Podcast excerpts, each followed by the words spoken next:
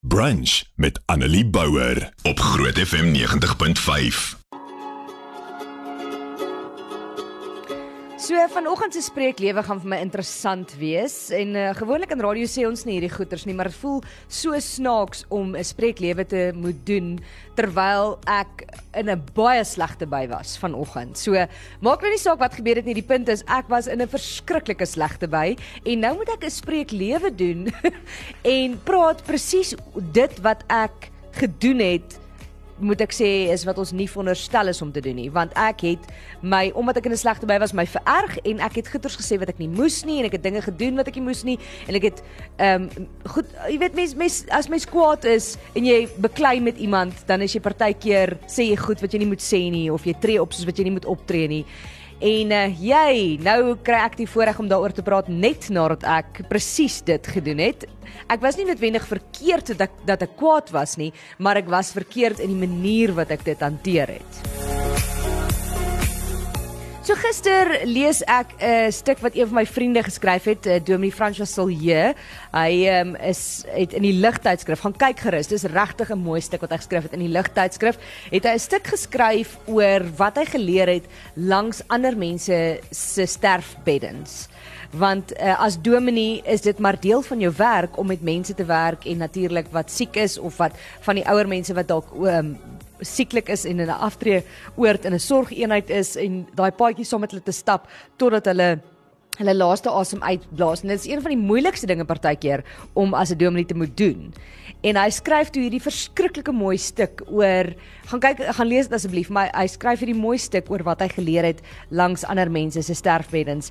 En die een deel wat vir my ongelooflik uitgestaan het van dit. So hy sê toe nou, jy weet, daar's sekere dinge wat hy vir homself beloof het en wat hy regtig probeer nakom as gevolg van die hoeveelheid keer wat hy langs iemand anders se sterfbed sit en sien waaroor hulle spyt is en natuurlik vir die feit dat hy besef ook hoe kort die lewe is. Dit maak dat 'n mens eh, jy weet half elke dag wil aangryp en elke dag die beste wil maak.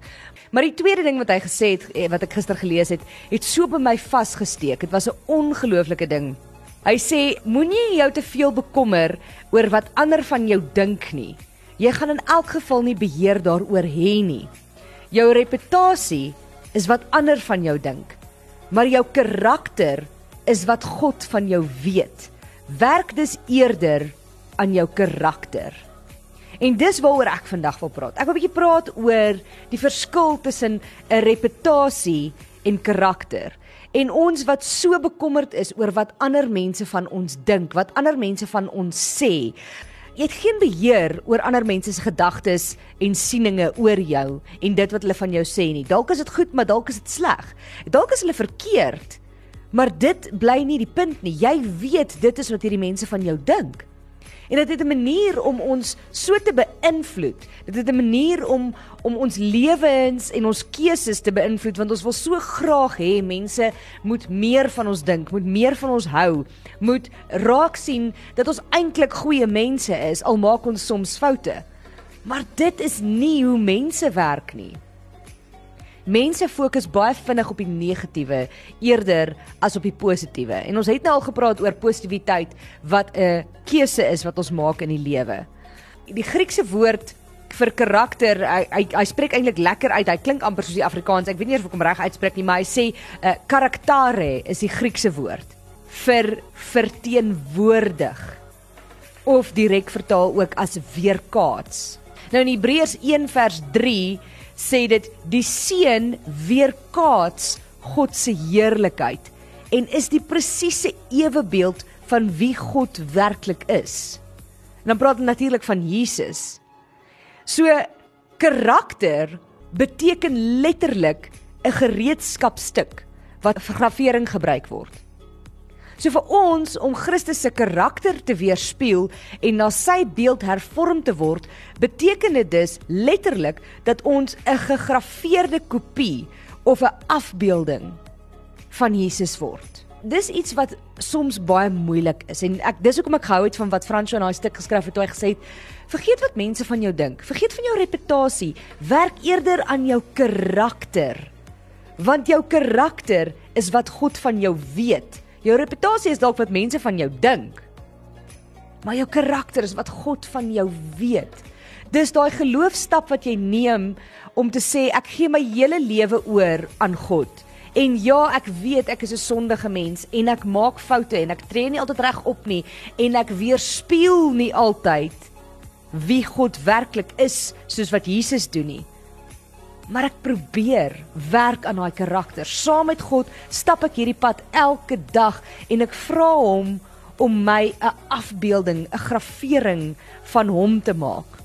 Om my te help om sy liefde en sy karakter en wie hy is te weerspieël. Kry mense dit altyd reg? Nee, ek het verseker nie volgende dit reg gekry nie, want ek het in my woede vergeet wie God is. Beteken dit mens mag nie kwaad word nie? Nee, natuurlik nie. Ons het al baie oor gepraat. Jesus het ook kwaad geword. Dis tog 'n emosie. Mens word kwaad. Dis 'n emosie wat God in jou ingebou het wat jou leer hoe om konflikte hanteer, hoe om die lewe te hanteer, hoe om vir jouself op te staan. Die verskil is, hoe doen jy dit? En in daai oomblik van woede kry mense dit nie altyd reg om in liefde op te tree nie. Want dan kan daai woede ook omsit in selfsug en dit hoe ek nou voel is die belangrikste en wat ek dink reg en verkeerd is moet nou vooropgestel word. Dan gaan kyk ek volgende weer na Galasiërs 5 vers 22 tot 23 wat natuurlik die vrugte van die gees is. En die vrugte van die Gees is deel van hierdie uitdrukking van Christus se karakter in jou lewe. Dis deel van daai goed waaraan ons elke dag werk. Dit is die gevolg van Christus se teenwoordigheid in jou lewe. Die vrugte van die Gees is die voortdurende bewys dat die Gees van Christus in ons lewens is en Christus se karakter in ons lewens openbaar. En dit geskied juis as ons gehoorsaam aan hom is en as ons ons aan hom onderwerp en ons lewe aan hom oorgee en sê help my om meer soos U te wees. En ons behoort al nege vrugte van die Gees in ons lewens te openbaar ten einde God se karakter aan ander te vertoon.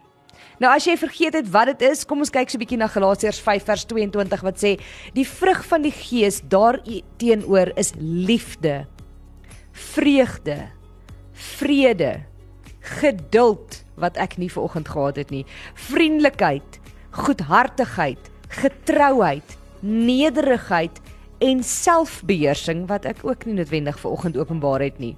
Teen sulke dinge het die wet niks nie. Die wat aan Christus Jesus behoort, het hulle sondige natuur met al sy hartstogte en begeertes gekruisig, alhoewel dit soms weer oppop, né? Ons lewe deur die Gees, laat die Gees nou ook ons gedrag bepaal. Ons moenie verwaand wees, mekaar uittart of mekaar afgunstig wees nie. So gaan lees gerus Galasiërs 5, ek kan die hele Galasiërs 5 gaan lees, maar die vrugte van die Gees is dan nou spesifiek vanaf vers 22 en ek het gelees tot by vers 26. So mag ons saam probeer om te vergeet wat mense van ons dink, nie meer om te gee wat mense van ons dink nie, want hulle weet nie noodwendig nie, hulle ken jou nie noodwendig nie. Maar God ken jou hart. God weet wat en wie jy probeer wees al val jy soms en al struikel jy partykeer, help hy jou weer op en sê dis oukei, okay, ons probeer maar weer 'n keer van hier af vorentoe.